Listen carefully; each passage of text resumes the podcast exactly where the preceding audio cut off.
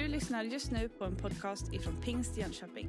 Vi hoppas att denna undervisning kommer att hjälpa dig att växa i din personliga relation med Gud.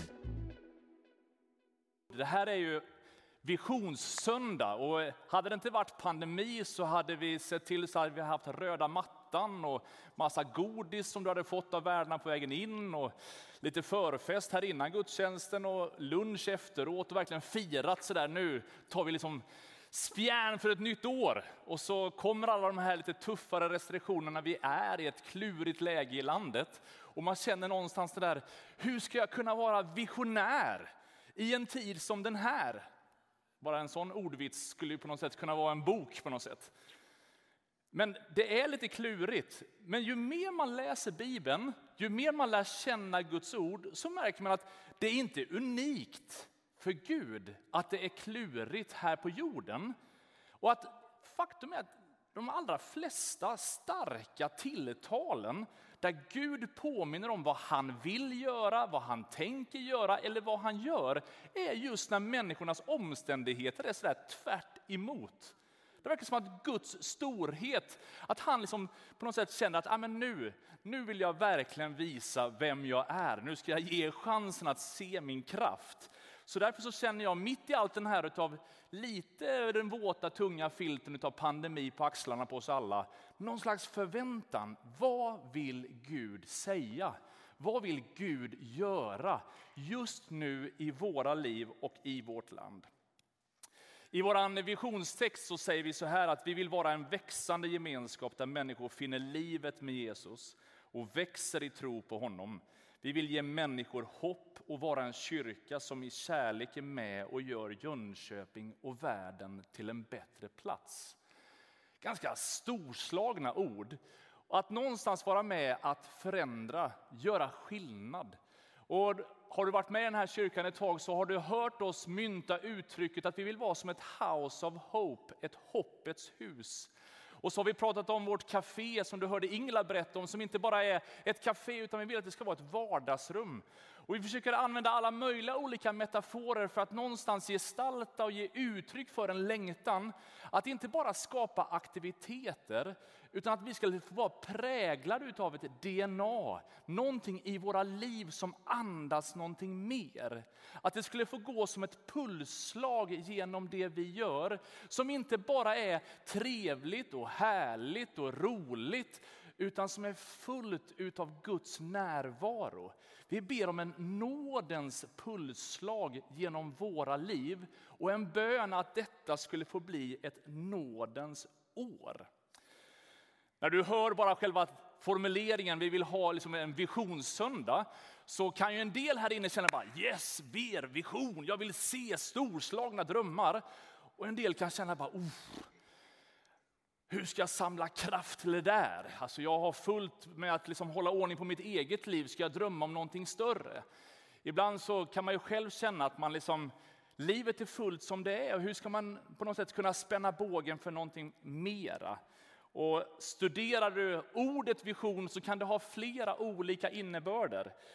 Man tittar i ordlistan så säger det att det kan vara en syn, en hallucination, en hägring, en uppenbarelse, drömsyn, framtidssyn, drömbild eller utopi. Det är något slags motsatsförhållande. Är det bara drömmar utopiskt eller är det en framtidsbild som driver mig i en särskild riktning? Vision kan vara på så många olika sätt. Det är någonstans ändå en utmaning kring att skärpa ögonen. Och jag tänkte jag skulle bjuda på mig själv, för jag blev hånad här för ett tag sedan. Och jag Eh, jag satt hemma och hade svårt att läsa från min bibel. Jag tycker att det är lite halvklurigt med den, den lilla små texten och lite dunkla belysningen. Man liksom på något sätt får stå så lite framåtlutad. Eh, och så såg jag min svägerska, hon, eh, hon hade lagt upp en bild i vår WhatsApp-grupp med släkten hur hon satt och pusslade med en pannlampa. Så jag tror att vi kan lägga upp den här bilden här på skärmen, för då, då tänkte jag, det var alldeles lysande. Nu kunde det vara så där dunkel belysning och så kunde jag och så inser man att jag kanske har passerat ett åldersstreck där man någonstans på något sätt inte riktigt vet i vilken position man ska hålla Bibeln någonstans. Och jag tänker att den här söndagen är lite grann av den där kalibreringen. Min bön är att vi som församling, både personligen du enskild som lärjunge till Kristus, men också att vi som kyrka någonstans skulle få göra en synundersökning. Vad är det vi ser? Vad är det Gud vill visa oss? Ibland så finns det några olika klipp på sociala medier med små barn som har fötts med synskador. Och så har man gjort en operation och så kan man få se de här små bebisarna när de efter operationen på något sätt får se mamma och pappa för första gången. Har ni sett några sådana klipp någon gång? Den här fascinationen över det jag har hört innan, det jag har på något sätt känt av, nu får jag se det med klarare ögon. Det är den bönen som den här visionssöndagen har som längtan att göra. Inte att egentligen leverera massa strategier, inte bara komma på massa så här, det här ska vi göra och det här vill vi se hända i vår församling, utan att någonstans Gud skulle på något sätt få göra ett verk i vårt hjärta så att vi ser mer utav det han har för oss. Ordspråksboken 29 säger så här att utan uppenbarelse går folket vilse. Det här bibelordet kan du i olika översättningar vara med och se hur man kan vrida och vända på de här begreppen. Utan vision så går folket under. Utan en uppenbarelse utav det som Gud vill säga, det Gud är, så är det lätt att tappa modet, att hamna på avvägar. Och när vi lever i en tid som våran, där pandemi och restriktioner och smittspridning och alla mutationer och det är, bara det i sig kan ju göra att man någonstans bara tappar blicken och känner att jag går under, jag ger upp, det här orkar jag inte med mer. Eller när man till och med ser hur Sverige, vårt neutrala Sverige, gör truppförstärkningar på Gotland. Man tänker så här, nej, hur gick det här till? Vad är det som händer i vår värld när man skickar krigsfartyg i Östersjön? Är inte det liksom sådär bakom oss då man krigar och liksom håller på i våran trakter? Det finns all anledning till politisk oro eller miljöförstöringar. Eller, man kan ju höra allt möjligt och bara känna, oh, blicken sänks. Och då säger Bibeln, utan uppenbarelse utan vision, utan att någonstans se Gud bortom det som just nu händer, så är det lätt att tappa modet. Och att du den här söndagen skulle få uppleva att Gud gör ett verk i dig. Så att du känner att ja, men du tänkte att du bara gick på gudstjänst för att du brukar göra det. Att Gud överraskar dig med att låta andens uppenbarelse få någonstans träda in i ditt inre. Skingra tankarna från det där som är tungt och jobbigt och så bara få se Guds storhet. Precis som Karin så fantastiskt berättar om Hannas mirakel. Att någonstans den där bedövningen får släppa och att blicken får bli lite klarare. Åh, vad jag önskar att det skulle hända. Jag tror att det här är viktigt. För att Hebreerbrevet målar upp massor med olika bibelberättelser och talar om människor i historien som tack vare himmelsk uppenbarelse vågar göra det som ingen annan trodde var möjligt. Det står om Abraham att han gav sig iväg utan att veta vart han skulle komma. För han på något sätt hade hört att Gud hade sagt att det finns ett annat land för dig. Jag ska ta ditt folk ut ur den här platsen, in i den här platsen. Och han bara säger, jag vet inte vart det ligger. Jag har aldrig varit där, det finns inte Google, jag kan inte se det på något sätt i förhand. Det finns ingen sån här eh, när och fjärran avsnitt på TV4 jag kan ha sett. Utan nu får jag bara förlita mig på att Gud leder mig till det som ännu ingen har sett. Det står om Noa att han i tro byggde sin ark för det, liksom, det som ingen ännu hade sett. Och Det här tycker jag är fascinerande. Ibland så är man ju sådär när man håller på att hemmasnickra lite grann, att man, man tar det lite grann på uppstuds och så får man på något sätt hoppas att man kan spackla igen det som är snett. Tänk att bygga på en ark i hundra år utan att egentligen veta riktigt liksom, hur ska vi använda den här? Det är långt bort från havet. Det kräver uppenbarelse. Och jag tror att vi som Guds folk, vi som har med Gud att göra och som längtar efter att någonstans sträcka oss efter det som Gud har för oss, att det skulle få ge oss ett mod att gå dit vi inte har varit. Att göra det som vi ännu inte har upplevt eller vara med och i trohet göra och bygga så som han vill visa för oss. Tänk vad som hade hänt om inte Noa hade byggts på sin ark. Det är viktigt att någonstans lyssna in. Vad vill Gud göra? Och vara redo för någonting nytt. Jag tycker också det är fascinerande när profeten Jesaja säger så här. Tänk inte på det som har hänt. Bry er inte om det som var förr. Se, jag gör någonting nytt. Redan nu visar det sig. Märker ni det inte? Och jag tror att det är också någonting som Gud vill skaka om oss med den här söndagen. Att någonstans på något sätt säga, hallå, jag håller redan på och gör massa saker. Jag har inte övergett min skapelse, jag har inte övergett mitt folk, jag har inte slutat liksom regera från min tron. Jag har fortfarande hela världen i mina händer. Märker ni inte vad jag redan gör? Jag tror att du och jag allt för många gånger, eller kanske inte du, det handlar mest om mig själv kanske. Allt för många gånger så har jag en förmåga att någonstans låta det som är svårt och tufft och det som på något sätt som är begränsningar få sista ordet i mina tankar och i mitt liv. Att istället någonstans nyfiket säga Gud, hur ska du hjälpa oss genom detta? Han gör redan någonting. Jag tror också att Gud vill utmana oss som församling att någonstans vara lyhörda för det unika för det här året. Att inte bara leva på slentrian. I, tidigt i Israels historia, när de var på väg ut ur Egypten under Moses ledning, så vid ett tillfälle så saknar de vatten. Och så säger Gud till Mose att du, ta fram din stav, slå på den här klippan, så kommer det komma vatten ur klippan. Det måste vara drömmen för alla som på något sätt lever i sådana miljöer. Att bara få gå fram till vilken klippa som helst och bara, nu är jag törstig här. Och så kommer det friskt vatten till folket. Lite senare i den här ökenvandringen så står de på nytt vid ett sånt här tillfälle. Och så säger Gud, den här gången ska du tala till klippan. Men Mose tänker ju så här, ja, ja, det, klippa, fattas vatten, Förra gången slog jag, det var nog att slå som Gud menade. Och så gör han nästan samma sak igen. Men den här gången så blev konsekvensen ödesdiger. Det kostade faktiskt Mose löfteslandet. Och jag skulle bara vilja utmana dig och mig. När vi tänker på det här året så finns det många saker som vi kommer göra nästan på samma sätt som förra året. Det är inte så att allting blir nytt, att allting ska göras om eller att allting ska vi göra på det här eller det här sättet. Det kanske är bara en liten skillnad där Gud vill justera några saker, visa oss på någonting mera. Men skillnaden kanske inte är så stor i själva handlingen, men ändå kan situationen bli totalt annorlunda.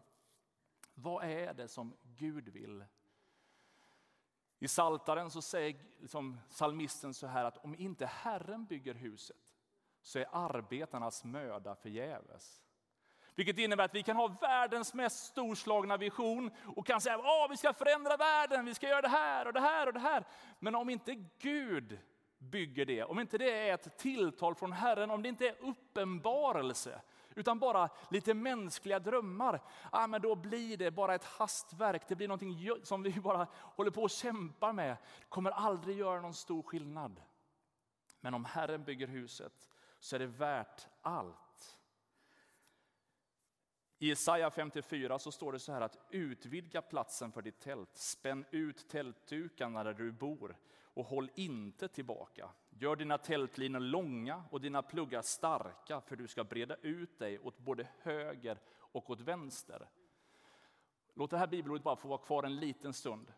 Och så skulle jag vilja utmana dig. I en tid som den här, när det är restriktioner, begränsningar och svårigheter, så är det lätt att tänka, nu är det dags att hålla tillbaka. Det här profetiska ordet är till ett folk i förskingring. Det är liksom i alla möjliga konstiga situationer. Och jag tror att vi nu om någonsin behöver tänka att expansion är absolut möjligt. Gud kan utbreda sitt rike. Han kan göra massor med spännande saker. Det handlar inte om att ställa in, det handlar om att ställa om. Har ni hört det uttrycket förut? Jag trodde jag var först med den. Det handlar inte om att ställa undan utan att ställa fram. Det handlar om att någonstans bara säga Gud, mitt i det här så ber jag att du skulle använda mina fem bröd och två fiskar och bara göra ett mirakel till tusentals. Jag ber att du mitt i allt det som nu skulle kunna vara svårigheter vänder på situationen och skapar en puls inom mig som ger kraft och riktning. Den här nådepulssången, en puls av nåd. Under hela den här pandemin så har jag brottats med Gud, hur håller vi ihop kyrkan under den här, hela den här tiden? Från den gamla till den unga. Den som har många släktingar här och den som är ganska ny i gemenskapen överhuvudtaget. Hur ser vi till? Så många gånger man har bett och känt nöd och vånda.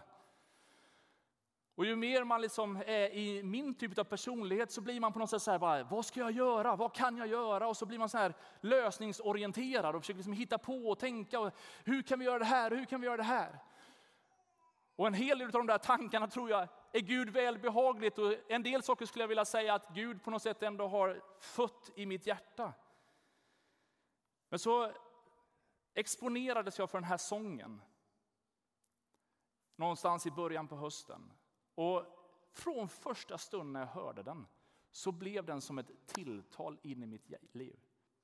Personligen, men sen har det verkt fram sen där i början på september till en, någonting som jag kände, det här vill jag att vi ska sjunga i början på det här året.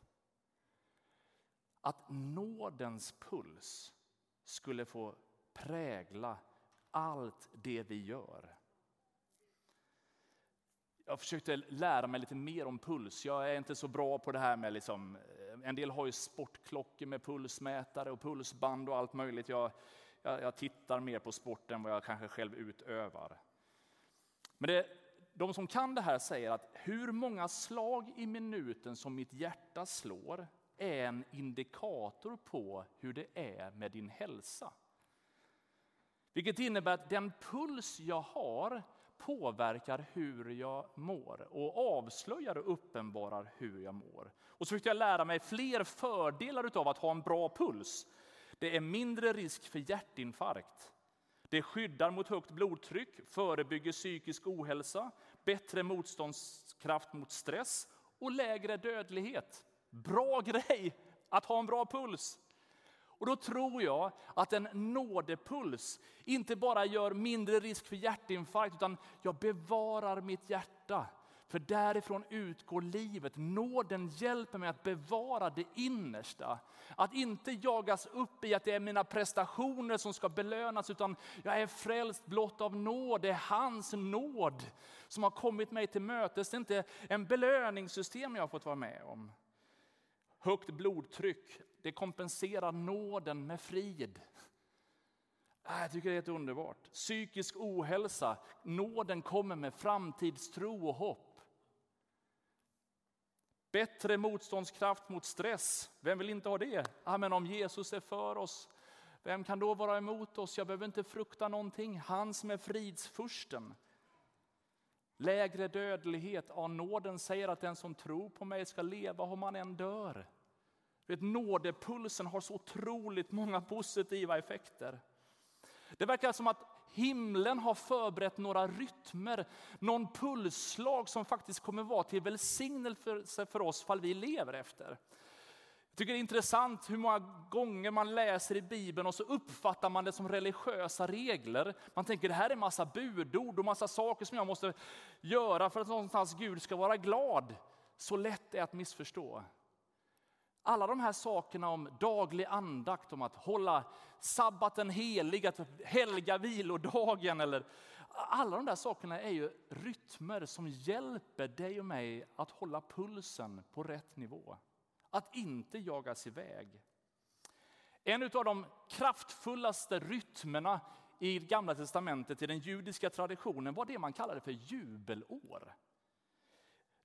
I den judiska traditionen så sa man att var sjunde år är ett sabbatsår. Då så ska vi se till så att de som inte har så mycket, de ska få äta gratis. De ska få vara med och på något sätt ta det lite lugnt och äta utav skörd.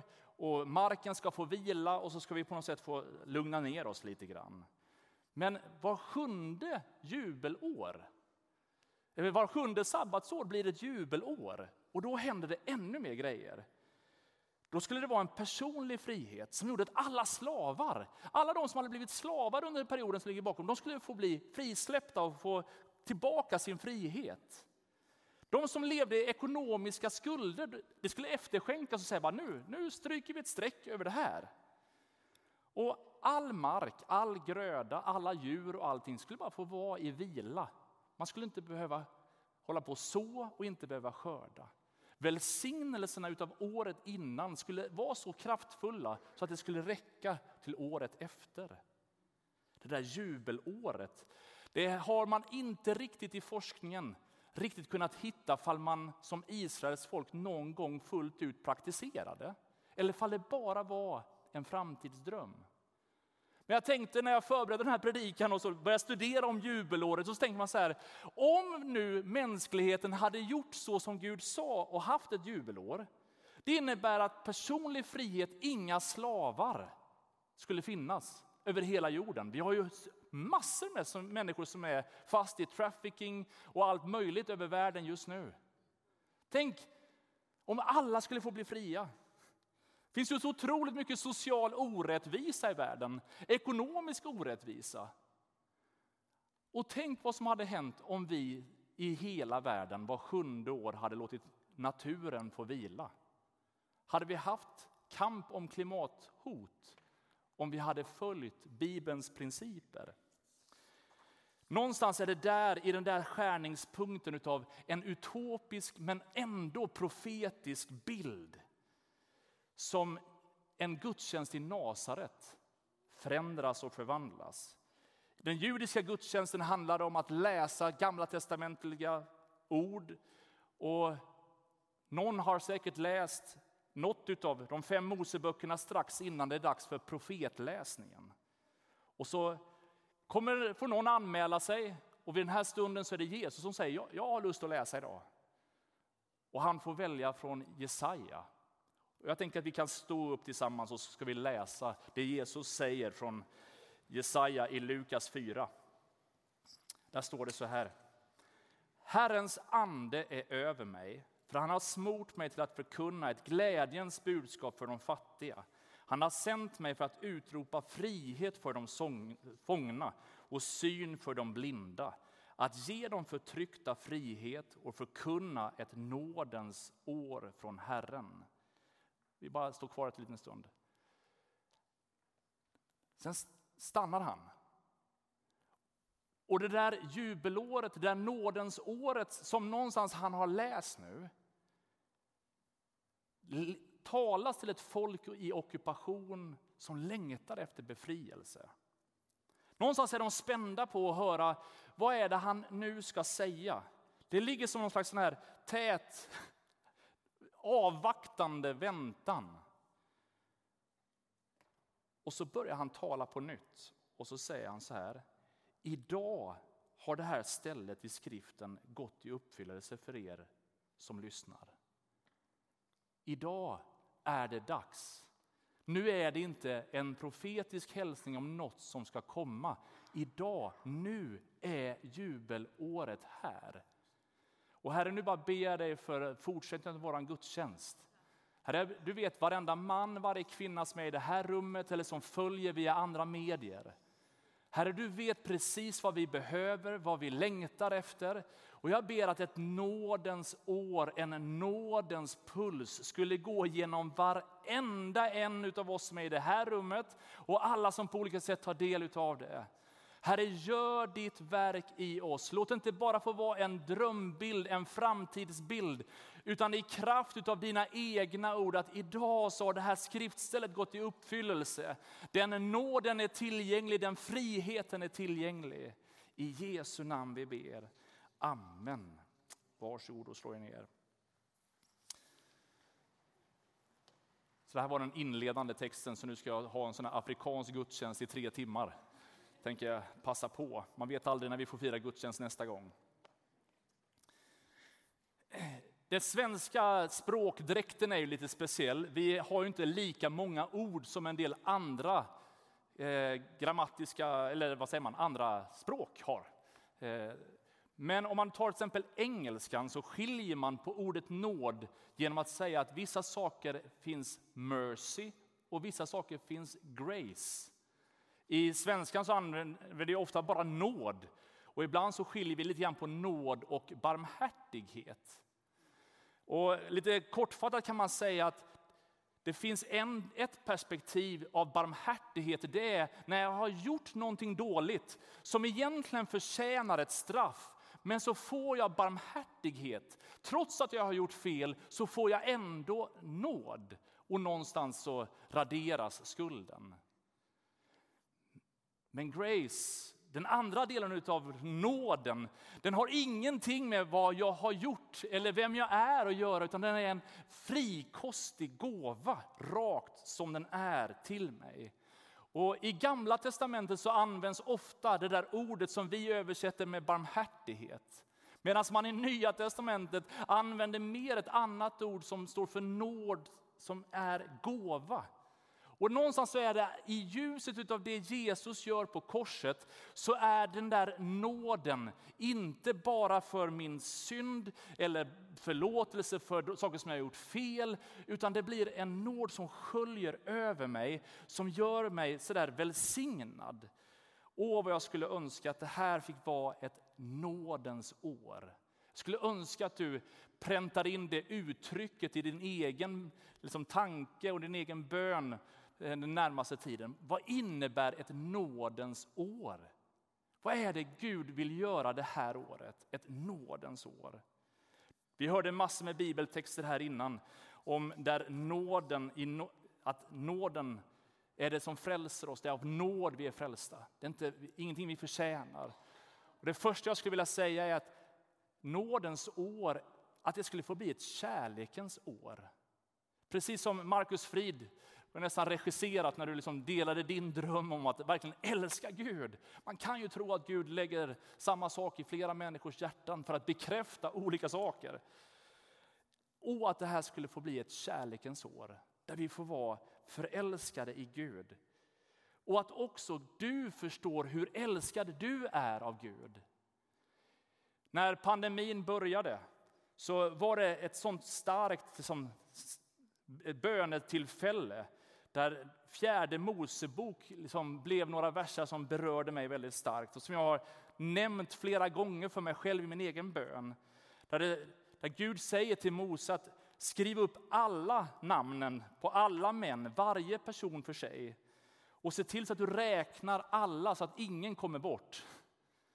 Och så lite senare när de har kommit en bit på vandringen så räknar de igen och så blir slutsats, slutsatsen att ingen fattades bland dem. Och jag tänker bara, Gud låt det här året få vara sånt där kraftfullt, handlingskraftigt kärleksår. Som inte bara har kärlek som en vacker formulering, utan där vi älskar människor, söker upp människor, ringer till människor, besöker människor. Är det någon gång som vi behöver se till så att smågrupper fungerar, eller att bilda nya smågrupper, eller hitta nya sätt att promenera tillsammans, eller höra av sig, så är det den här tiden. Det är så många som i den här situationen upplever ensamhet, utanförskap, att inte räknas, att inte vara sedd, bekräftad. Och om vi kunde få se ett nådens år som präglas av ännu mer närvaro, ännu mer kärlekens blick. Jesus han talar om att när nådens år kommer så är det syn för de blinda. Och därför så vill jag att nådens år också skulle få vara ett ljusets år. De där syn för de blinda handlar inte bara om fysiska ögon, utan också de där som nu av allt annat inte ser klart.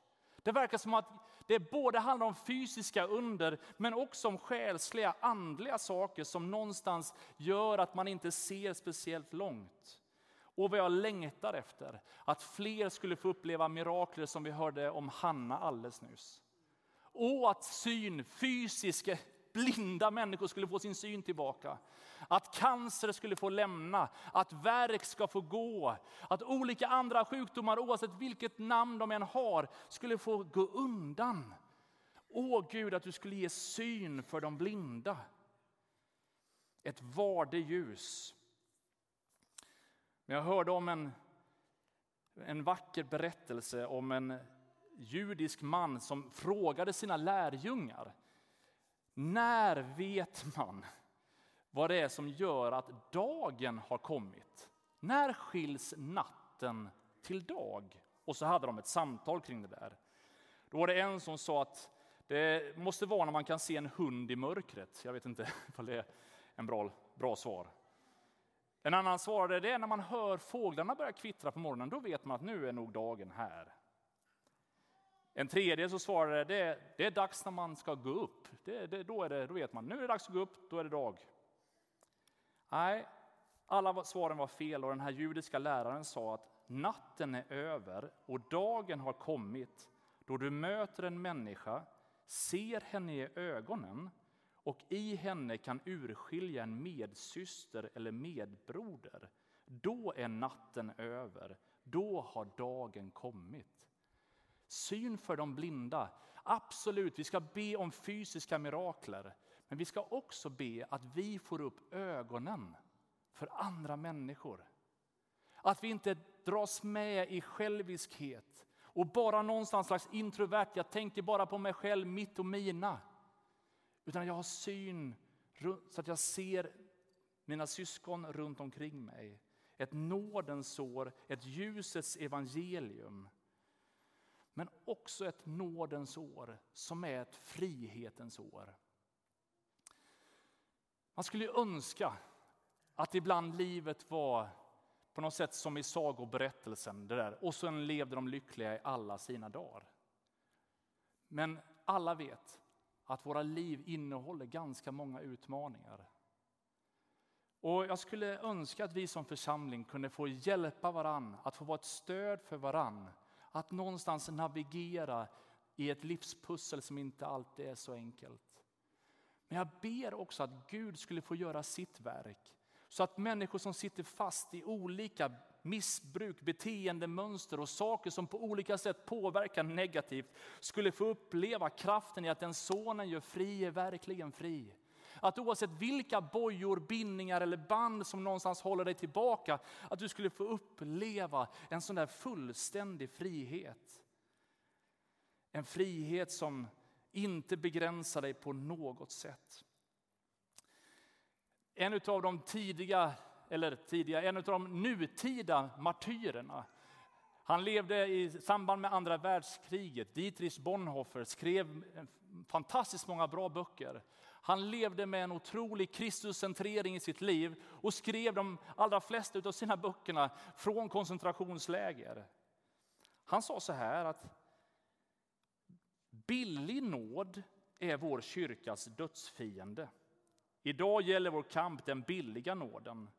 Billig nåd betyder nåd som gottköpsvara, bortslumpad förlåtelse, bortslumpad tröst, sakrament till nedsatta priser.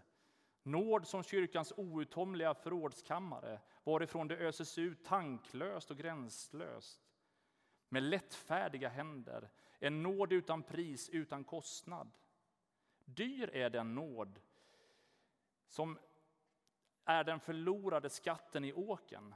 Den människa som finner den går med glädje och säljer allt vad han äger för skattens skull. Det är den kostbara pärlan som köpmannen byter till sig mot alla sina dyrbarheter. Kristi konungsliga välde som får människor att riva ut det öga som är dem till förföljelse. Den är Jesu Kristi eget rop som får lärjungen att lämna sina nät och följa honom.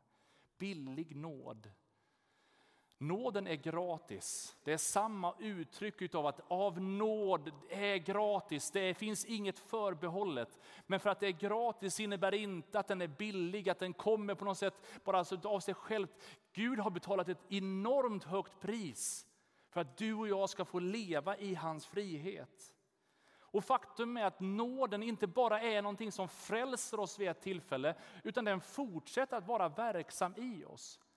Nådepulsen är inte bara en slags skön fridskänsla, utan Paulus säger i, i, i Titusbrevet så här att Guds nåd har uppenbarats till frälsning för alla människor. Den fostrar oss att säga nej till ogudaktighet och världsliga begär och istället leva anständigt, rättfärdigt och gudfruktigt i den tid som nu är. Medan vi väntar på det saliga hoppet att vår store Gud och frälsare Jesus Kristus ska träda fram i härlighet. Det finns en nåd som kan få verka, ett pulsslag i våra liv som både gör att vi blir fyllda av kärlek till våra medmänniskor, att vi får syn för andra människor, att vi får vara med och se befrielse och leva i en frihet där vi inte har några som helst bindningar och band. Där vi inte är rädda för vad andra ska tycka eller tänka om oss, utan vi kan få fullt ut leva i det som Gud har för oss skulle önska att det här året fick bli ett nådens år. Jag tror att vi behöver det. Ibland så kan det vara en sån här tid där livet är lite motigt. Där man inte riktigt känner att man läser inte Bibeln som man skulle önska, man kanske inte ber som man skulle önska. Man kommer inte till kyrkan som man brukar. Det är så mycket saker som man inte brukar göra eller som man önskar vore annorlunda. Och så är det så lätt att känna att man kommer till korta. Jag tror att du och jag skulle behöva famnas av Guds nåd. Som aldrig kommer med fördömelse, utan som någonstans gläds varje gång du vänder dig mot honom så kommer han dig till mötes. Och att någonstans låta hans nåd, inte bara möta dig i det ögonblicket, utan också ge den där kraften som fostrar, som formar, som föder någonstans beteenden och en längtan som vi skulle önska fanns där. Vi kan få be Gud om hjälp i det. I Sakarja 12 så profeterar profeten. Och det här bibelordet skulle jag också vilja att det här fick prägla vårt år som ligger framför. Han säger så här, att jag ska utgjuta nådens och bönens ande över er. Att det här nådens år skulle också få vara ett år där vi verkligen närmar oss Gud. Precis som jag började med att utan uppenbarelse går folket vilse. Gud, Herre tala till oss. Låt våra bönemöten tillsammans, låt våra personliga andakter, låt våra gudstjänster få präglas av att du får tala in i våra liv. Du har just lyssnat på en podcast ifrån Pingst Jönköping.